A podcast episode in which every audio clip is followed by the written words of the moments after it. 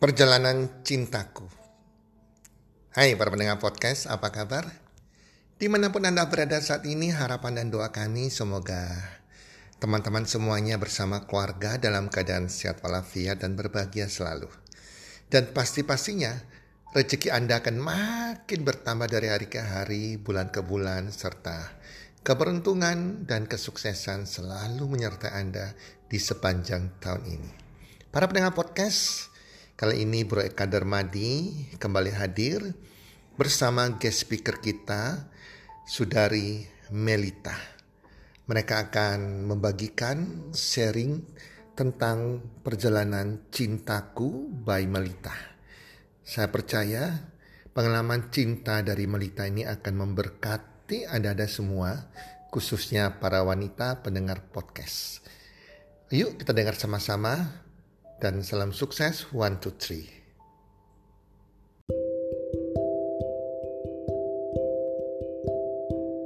Halo teman-teman, pada episode kita kali ini adalah lanjutan daripada episode sebelumnya tentang perjalanan cinta daripada Melita. Yuk kita dengerin sama-sama. Di dalam kehidupan setiap orang itu kan pasti ada yang namanya turning point kan. Nah, kalau dari Melita sendiri dari Melita sendiri ya, turning pointmu itu waktu kapan? Ya benar sih. Kalau turning point itu aku merasakan benar-benar dibentuk sama Tuhan itu dengan keras ya istilahnya. Sampai aku ini kerasa banget itu ya waktu aku menjalani ini pengobatan sama mama. Jadi kayak menemani mamaku berobat. Di sana tuh kan aku uh, melihat kondisi mamaku tuh benar-benar sudah tidak berdaya, lemes kayak gitu ya. Itu pun kadang-kadang ya masih kayak bikin uh, karena mungkin orang sakit itu lebih justru malah menjadi kayak seperti anak kecil. Dan kayak itu justru malah me memberikan kita tuh kayak satu ini ya ujian baru kalau kita di mana kita tuh harus lebih sabar menghadapi orang yang sakit dan kita bisa kayak lebih peduli, lebih mengasihi Terus pokoknya apa aja lah lebih kayak karena orang sakit itu lebih sensitif perasaannya. Jadi beda dengan yang waktu dulu mungkin bisa marah-marah atau apa. Kalau sekarang ini kalau waktu sakit itu mama gue juga tetap marah. Bahkan bisa lebih marah itu karena hal-hal yang bisa dibilang nggak penting kayak gitu loh. Jadi kayak ya udahlah gitu loh. Di sana itu aku benar-benar belajar untuk lebih menghormati dan lebih kayak istilahnya tuh ngalah ya ngalah padahal kita ini kayak disalahkan kayak gitu loh. Dan orang tersebut ya maksudnya mamaku ya memang dalam kondisi sakit ya aku mau apa gitu loh mau bantah ya nggak bisa kayak gitu. Jadi aku belajar lebih kayak ya sudahlah terima aja dengan uh, semuanya. Dan kayak lebih bersyukur dan lebih kalau mau cerita ya ceritanya ke Tuhan aja. Tuhan lebih tahu maksudnya apa yang kita butuhkan apa yang Tuhan tahu lah gitu loh dan Tuhan berikan orang-orang yang positif yang bisa memberikan penghiburan dan banyak hal-hal spektakuler ya. Maksudnya kayak di sana itu juga aku ketemu dengan orang secara nggak sengaja mengajak ke kebaktian kesembuhan kayak gitu kan kayak hal-hal yang kayak waduh ini Tuhan yang bekerja. Itu sampai mama sudah waktu, waktu itu didoakan benar-benar kayak bukan hanya doa-doa biasa tapi kayak benar-benar healing dan benar-benar dipulihkan secara batin juga sih waktu itu. Ya, aku benar-benar kayak melihat, wow, di kota yang kita tidak istilahnya pertama kali kita datang ke sana tidak ada tidak ada siapa pun yang kita kenal hanya kayak memang di sana ternyata banyak banyak gitu loh orang-orang Indo juga yang ternyata akhirnya oh ternyata kamu juga sering berobat di sini ya. Ya kayak gitu. Jadi kayak di sana itu malah kayak bisa jadi berkat karena banyak juga akhirnya orang tua tuh sharing-sharing sama sesama orang Indo di sana. Jadi kayak sharing-sharing tentang kayak Tuhan menyembuhkan seperti ini langkah-langkahnya. Maksudnya kayak jadi kayak aku juga terharu. Mereka ternyata kayak mungkin di Surabaya jarang sharing tentang kebaikan Tuhan tapi di sana justru malah Tuhan pakai untuk sharing gitu tentang kebaikan Tuhan tentunya. Oke okay, oke. Okay. Mm -mm. Nah Mel, apa yang membuat kamu itu tetap feel secure ya? Pada saat kamu, ini kan ceritanya setelah lima kali putus ya. Apa yang membuat kamu itu tetap bisa feel secure pada saat kamu itu masih single? meskipun hmm. sudah lima kali putus. Oh ya, kalau yang membuat aku merasa secure itu jujur aja karena Tuhan kita harus tahu bahwa kita tuh berharga di mata Allah kita nggak boleh merasa kita tuh nggak punya apa-apa tapi justru talenta yang Tuhan berikan itu kembangkan dengan baik. Jangan sampai kita uh, merasa kita nggak punya value, kita ini kok kayak wanita misalkan ya, wanita yang nggak bisa apa-apa, terus kayak apa ada yang mau sama aku kayak gitu gitu loh. Pemikiran-pemikiran itu tuh harus di singkirkan. Soalnya kita ini sebenarnya punya keunikan masing-masing yang walaupun kita melihat kok A bisa kayak gitu ya si A, aku kok nggak bisa ya. Tapi ayo coba kita lihat lagi kita tuh punya kelebihan apa sih yang orang lain nggak punya, ya kan? Yang di situ. Terus kedua kita jangan menutup diri. Seumpama nih, tuh aku kok nggak nemuin cowok yang aku idam-idamkan ya. Tapi yaudah kita perluas pergaulan aja. Nggak perlu kita muluk-muluk melihat fantasi. Maksudnya kayak kita pinginnya kayak yang drama Korea ini ya pinginnya aku pingin kayak princess Peppa Prince ini ya. Cakep-cakep ya boleh tapi kita harus juga melihat ya gitu loh. Kita mau di upgrade Tuhan seperti apa kita bisa nggak tahan prosesnya di upgrade itu untuk bertemu akhirnya dengan pasangan yang yang memang kita ini adalah tulang rusuknya dari pria itu gitu loh. Jadi jangan sampai kita mengharapkan seperti punggung merindukan bulan kayak gitu ya. Terus kita realita aja deh gitu loh. Dan sebenarnya kalau orang bilang dan aku ngalami sendiri menikah tuh sebenarnya akhirnya kita nggak melihat orang yang rupawan seperti itu kok tapi yang penting itu isi dalam maksudnya dalam hatinya terus apakah dia benar-benar kayak bisa mencerminkan suami yang baik itu akan lebih penting daripada penampilan semata ya kayak gitu sih. Nah Mel, kamu kan kan sudah merit nih dan minggu depan udah jadi mama nih.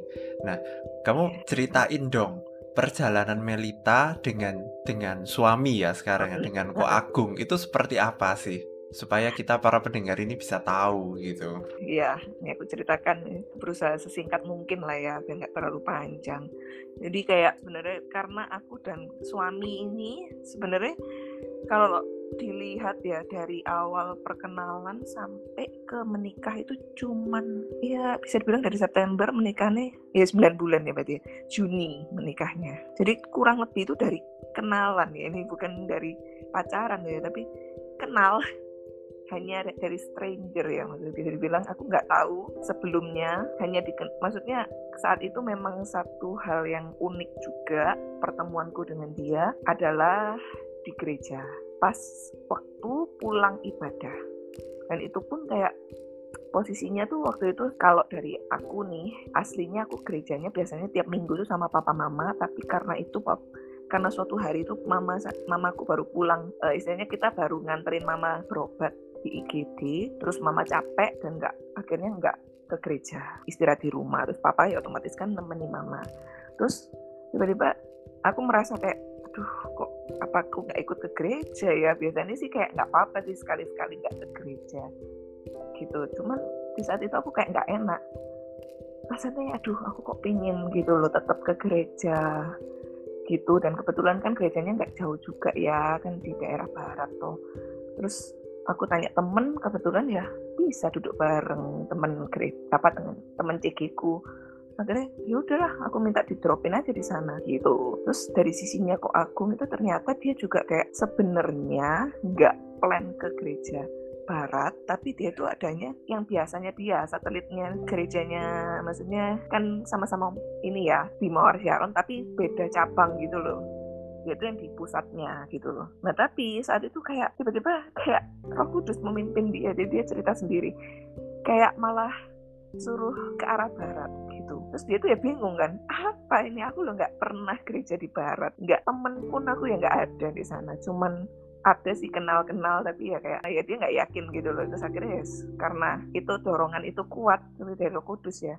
Terus akhirnya tetap aja dijalani. Akhirnya ternyata benar di sana ketemulah temen yang dia kenal. Itu adalah uh, maksudnya kayak ternyata adalah pemimpin CG yang lama ya. Jadi CG yang sebelumnya. Nah, terus akhirnya ditanyai lah waktu pulang gereja ketemu itu malah kayak yang kenalannya dia ini yang CG pemimpin CG ku ini malah bilang kok udah punya pacar? Gitu. Terus dia bilang belum gitu kan. Oh tak kenalin ya anak-anak cekiku ya mungkin kan dia pikirannya ya dikenalin beberapa lah yang memang single-single. Nah kebetulan waktu itu ada aku tuh, terus aku lagi ngomong-ngomong sama yang lain, tiba-tiba kayak dipanggil, dipanggil, ditarik, aku bingung tuh kenapa ini kok. Terus akhirnya dikenal nolah sama ya sekarang ini suamiku ini, tapi ada temennya juga waktu itu, jadi nggak yang kayak satu orang gitu. Kenalin biasa, terus akhirnya yang basa basi, basa basi sudah, terus aku cepet-cepet pulang karena waktu itu memang sudah lama yang ngobrol-ngobrol, waktunya pulang. Terus sampai situ itu pun aku sampai belum kepikiran apa-apa gitu loh belum kepikiran apa-apa. Lu uh, mungkin sekitar satu dua hari kemudian CC CGL ku ini chat-chat gitu WA bilang kayak nah kalau temen yang kemarin itu dikenalin itu kalau ini nggak mulai chatting kamu nggak apa-apa ya? Kenalan gitu lebih siapa tahu cocok gitu. Oh iya boleh sih. Jadi aku bilang gitu.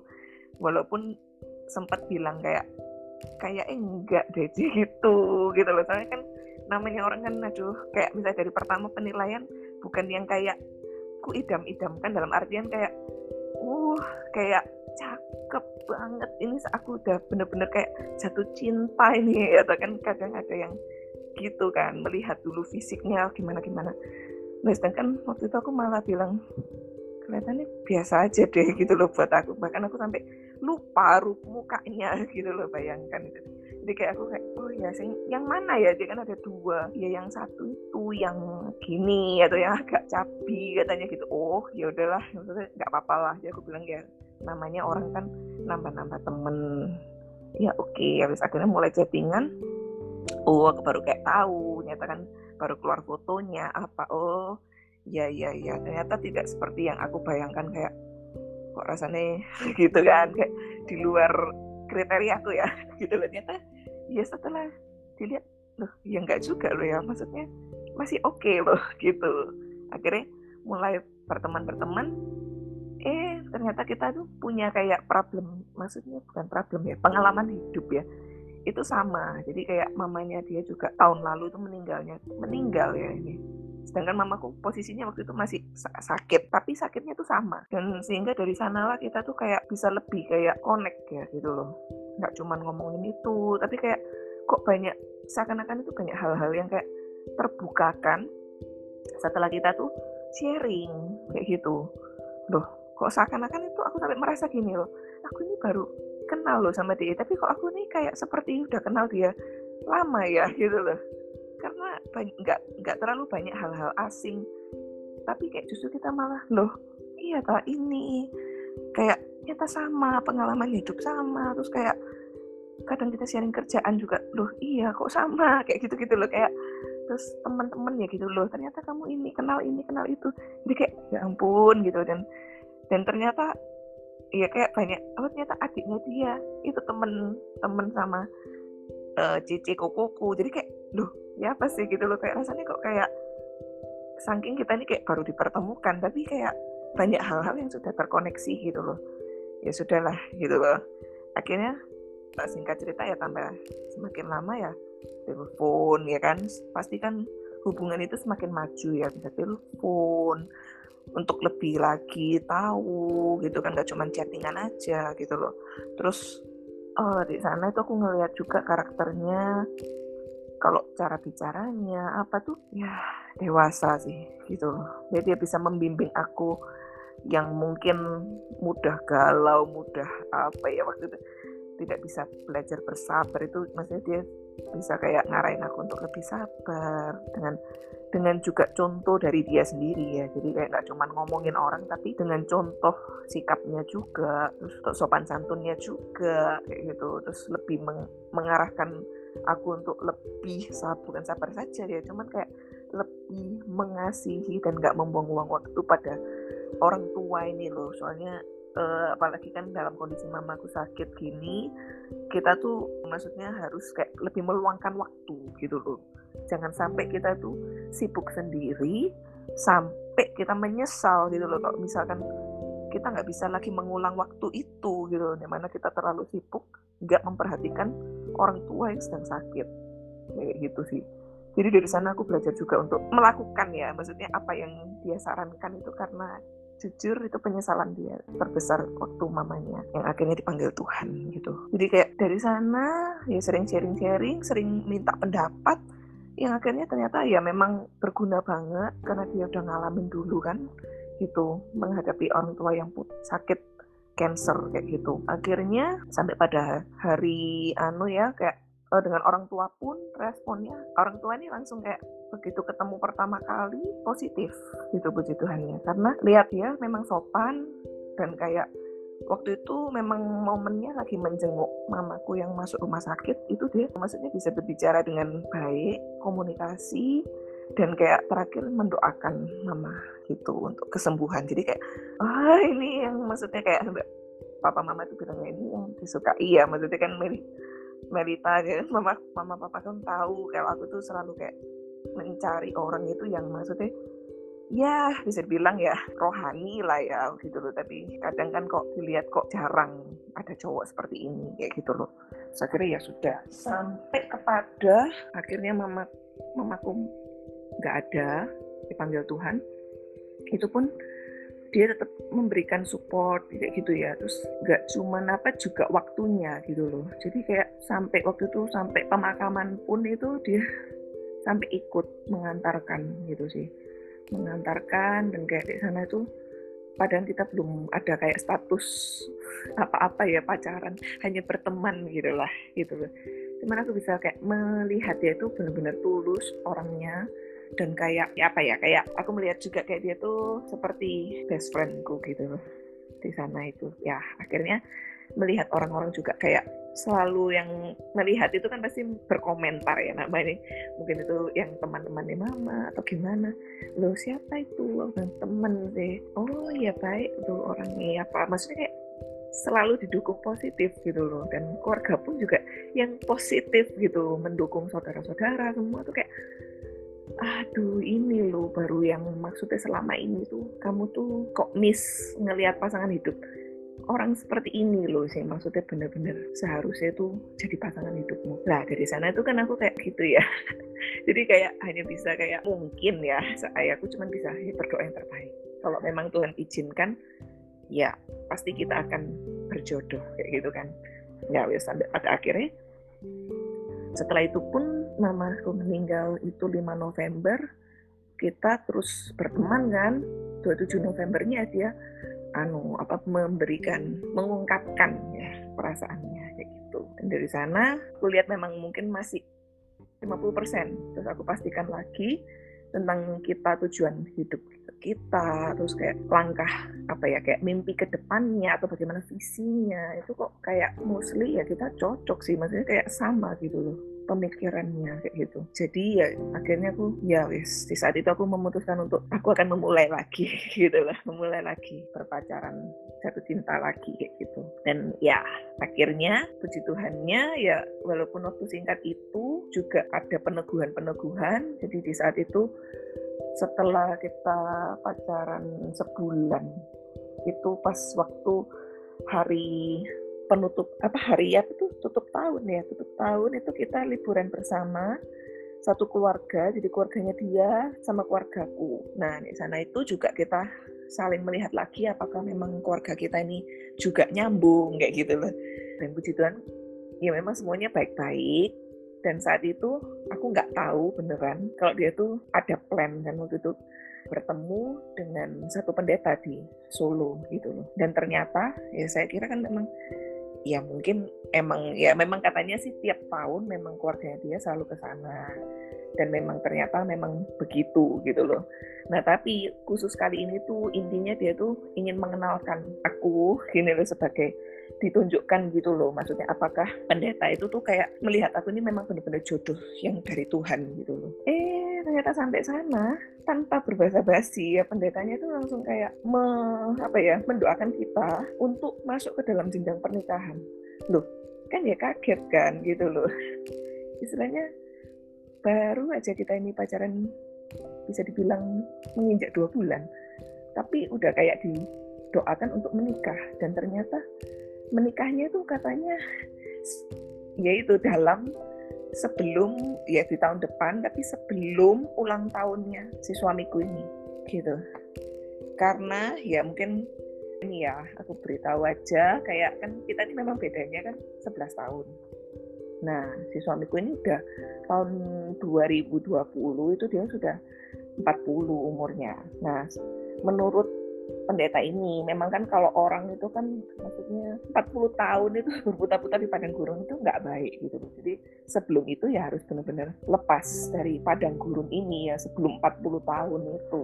Jadi ya kita percaya karena itu memang kayak maksudnya bukan apa ya memang berdasarkan kayak perkataan Tuhan apa kita berdoa juga kita imani. Kita amini dan imani.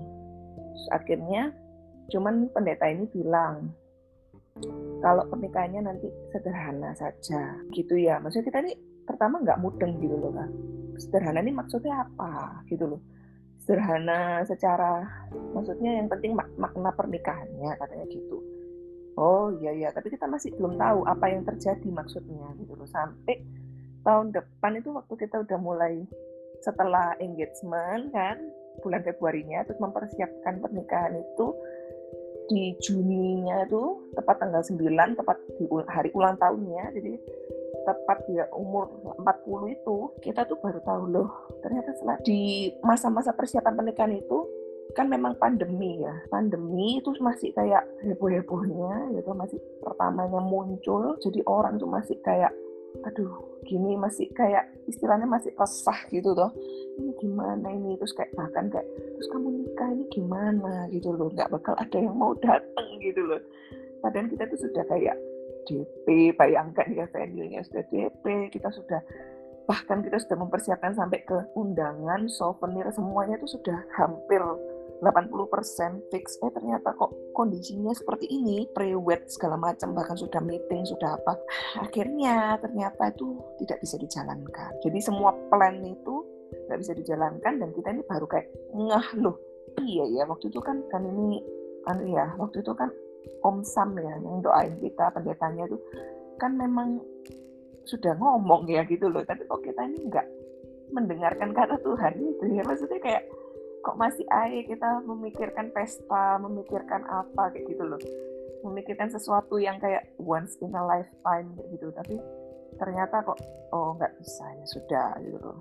Walaupun memang uh, berat hati ya kita jadi nggak bisa punya bridesmaid, best man, wis pokoknya semua itu dilaksanakan secara tertutup dan kayak cuman keluarga inti bahkan kita keluarga-keluarga kayak seperti saudara-saudara itu nggak bisa juga karena dibatasi hanya 20 orang kayak gitu.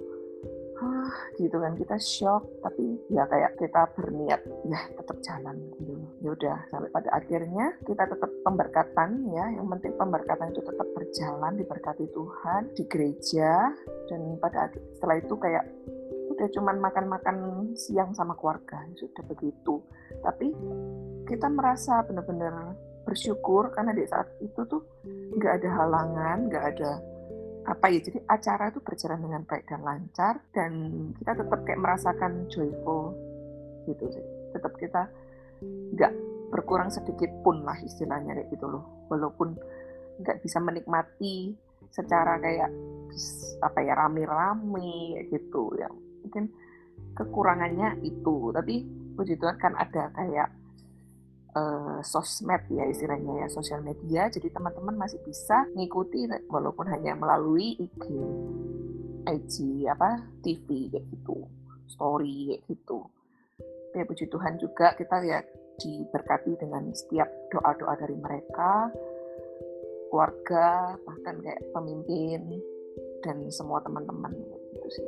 Dan setelah itu ya memang apa ya kita juga bersyukur karena bisa melewati segala hal yang kayak menjadi tantangan kita.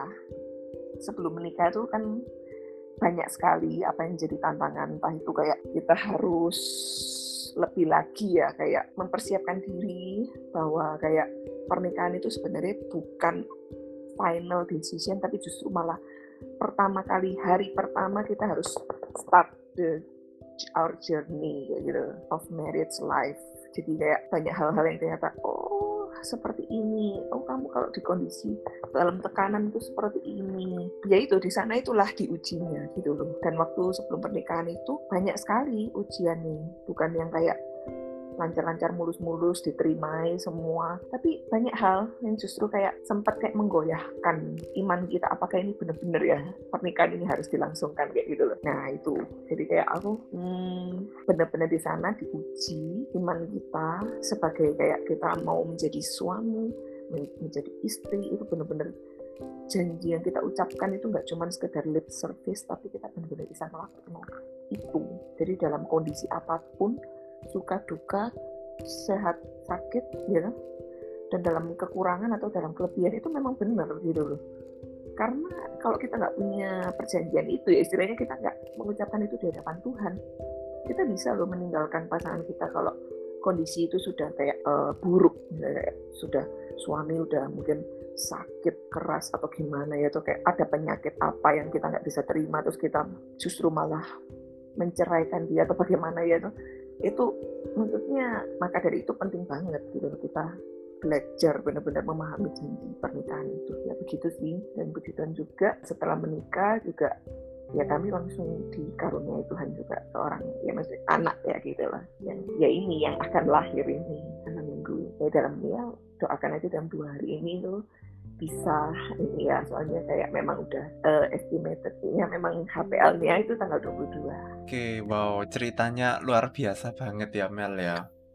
Thank you thank you. Ya semua karena ini lah semua karena Tuhan Iya. Nah, Mel, ada pesan-pesan nggak nih buat para pendengar? Mungkin ada cewek-cewek atau cowok-cowok yang masih single yang mungkin sedang mencari gitu. Kalau buat yang single, buat yang masih mencari, ya itu sih yang kalau dari aku ya, benar-benar kita penting banget mencari apa yang Tuhan mau. Kali lagi, karena kita tuh sering kali terbuai dengan apa yang kita mau, tanpa kita tanya Tuhan dulu, apakah benar Tuhan itu yang engkau mau gitu loh. Dan yang kedua, kita harus mengenali diri kita sendiri juga. Itu penting banget. Supaya kita juga tahu sesosok apa, sesosok pria atau maksudnya yang pria juga sesosok wanita bagaimana yang saya perlukan gitu yang bisa melengkapi aku kekuranganku dan aku dari kelebihanku bisa menutupi melengkapi ya.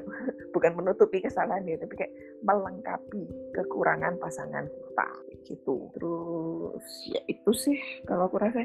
Yang penting itu sih dan yang pasti jangan pernah kita mengkompromikan sesuatu apalagi itu kayak tentang Tuhan. Oke, okay, gitu. wow, amazing yeah. banget.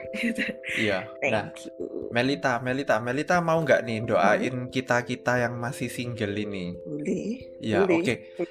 Okay. Jadi buat para pendengar, sebentar lagi kita akan berdoa secara Kristiani ya buat semua teman-teman yang masih single baik pria atau wanita ya yang sedang mencari atau yang sedang menunggu ya teman-teman ya. Ayo Melita kita persilahkan untuk berdoa buat para single ini. Oke. Yuk teman-teman semua, mari kita berdoa bersama. Tuhan Yesus, Allah Bapa yang bertata di dalam kerajaan surga, terima kasih atas segala hal yang kau berikan atas hidup kami, dan segala proses yang kau berikan kami percaya itu akan membawa hidup kami semakin lebih baik lagi dan semakin seturut dengan kehendakmu. Tuhan hari ini hamba berdoa Tuhan untuk setiap uh, teman-teman yang sedang merindukan pasangan hidup yang mungkin saat ini mereka merasa bahwa Tuhan di manakah pasangan hidupku masa sudah umur segini aku masih belum menemukan Tuhan kiranya Engkau yang memberikan kelegaan pada setiap hati dan juga kesabaran untuk menantikan yang terbaik daripadamu.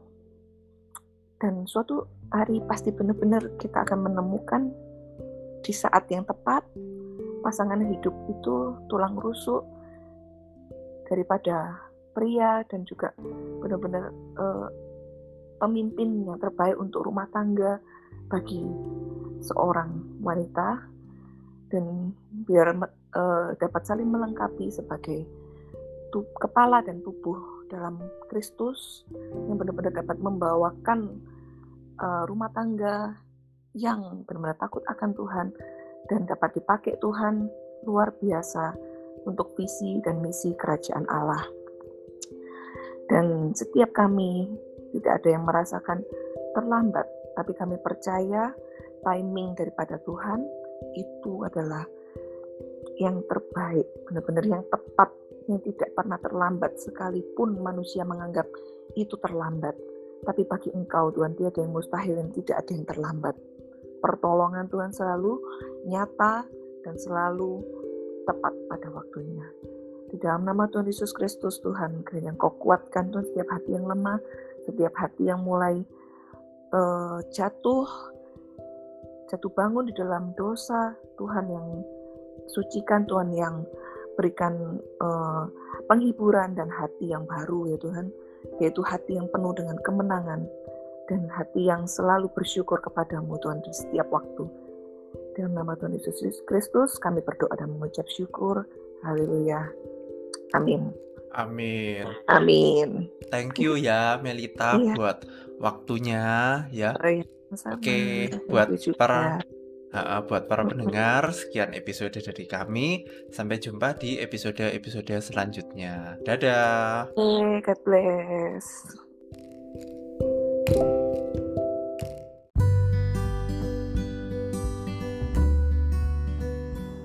Terima kasih sudah mendengarkan podcast kami. Teman, jika Anda rasa bermanfaat podcast kami ini, Anda bisa menginfokan kepada rekan kerja Anda, keluarga Anda, teman ataupun sahabat Anda. Dan jika ada hal-hal yang Anda ingin tanyakan kepada kami ataupun topik-topik apa yang Anda ingin kami bawakan, kami sampaikan, Anda bisa DM kami di Instagram kami healthcommunity.id. Salam one two three. Salam sehat, sejahtera, dan bahagia.